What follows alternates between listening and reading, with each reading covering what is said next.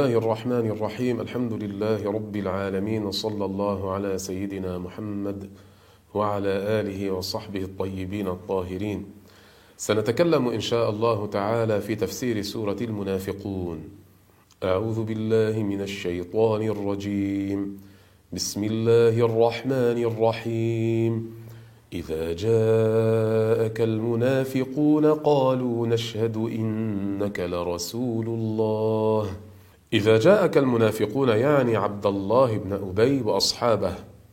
المنافقون هم الذين يظهرون الإسلام ويبطنون الكفر. قالوا بألسنتهم ما يخالف اعتقادهم الباطل. قالوا نشهد إنك لرسول الله وهم لا يعتقدون أنه رسول الله. أصل الشهادة أن يواطئ اللسان القلب هذا بالنطق وذلك بالاعتقاد. فهم كاذبون فيما أخبروا عن أنفسهم بأنهم يعترفون ويعتقدون برسالة سيدنا محمد صلى الله عليه وسلم. والله يعلم إنك لرسوله. أخبر الله سبحانه وتعالى عن حقية رسالة رسوله صلى الله عليه وسلم لأن الله هو الذي أرسله. ثم بين الله كذب المنافقين. فيما أظهروه من الإيمان برسوله صلى الله عليه وسلم فقال والله يشهد إن المنافقين لكاذبون. الله يعلم. الله يعلم أن المنافقين كاذبون فيما أظهروا من شهادتهم وحلفهم بألسنتهم فلم تواطئ قلوبهم ألسنتهم على تصديق النبي صلى الله عليه وسلم. فإنهم كاذبون كاذبون فيما أظهروه من الإسلام والإيمان بمحمد عليه الصلاة والسلام.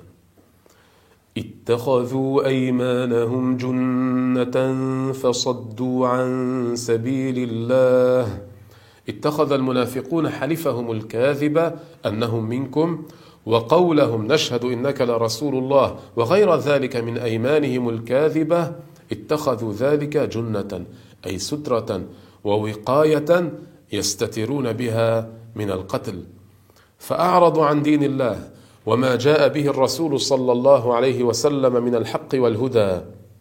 وكانوا يمنعون الناس عن الدخول في الإسلام أحيانا بالتنفير وأحيانا بإلقاء الشبه والعياذ بالله. إنهم ساء ما كانوا يعملون. أي بئست أعمالهم الخبيثة أعمالا.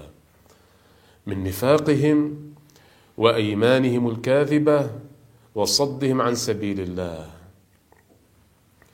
ذلك بأنهم آمنوا ثم كفروا فطبع على قلوبهم فهم لا يفقهون. سوء عملهم بسبب أنهم نطقوا بكلمة الشهادة وفعلوا كما يفعل المسلمون من حيث الظاهر وكفروا بقلوبهم. فالمنافقون لم يكونوا مؤمنين ثم كفروا فأظهروا النفاق.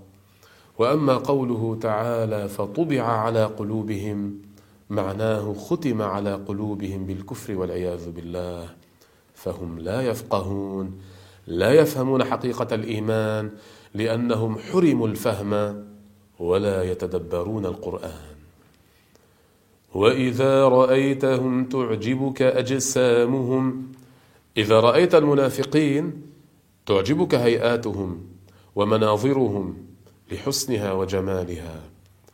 وإن يقولوا تسمع لقولهم إن يتكلموا في مجلسك تستمع لقولهم. فإنهم كانوا ذوي فصاحة. إذا سمعهم السامع يصغي إلى كلامهم لبلاغتهم. ثم وصفهم الله عز وجل بقوله كأنهم خشب مسندة. شبهوا أي شبه المنافقون بالخشب المسندة.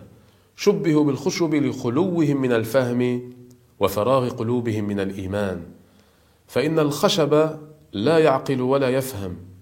ومعنى مسندة أي ممالة إلى الجدار والمراد أنها ليست بأشجار تثمر بل خشب مسندة إلى حائط كذلك المنافقون لا فقه لهم لا علم لهم لا خير عندهم لا خير فيهم ولا ينتفع بهم. ثم قال الله عز وجل يحسبون كل صيحة عليهم يحسب المنافقون كل صيحة يسمعونها واقعة عليهم. لا يسمعون صوتا في العسكر بأن ينادي مناد أو تنفلت دابة أو تنشد ضالة إلا ظنوا أنهم قد أتوا لما في قلوبهم من الرعب والجبن. هم على خوف هم على خوف من أن ينزل فيهم أمر يهتك أستارهم ويفضحهم. وفي الآية إشارة إلى أنه لا عبرة بالأجسام العريضة ولا بالألسن الفصيحة إنما العبرة بالقلوب المطهرة والسرائر المنورة. ثم قال الله عز وجل هم العدو فاحذرهم هم العدو فاحذرهم لا تأمنهم على سرك لأنهم عيون لأعدائك الكفار.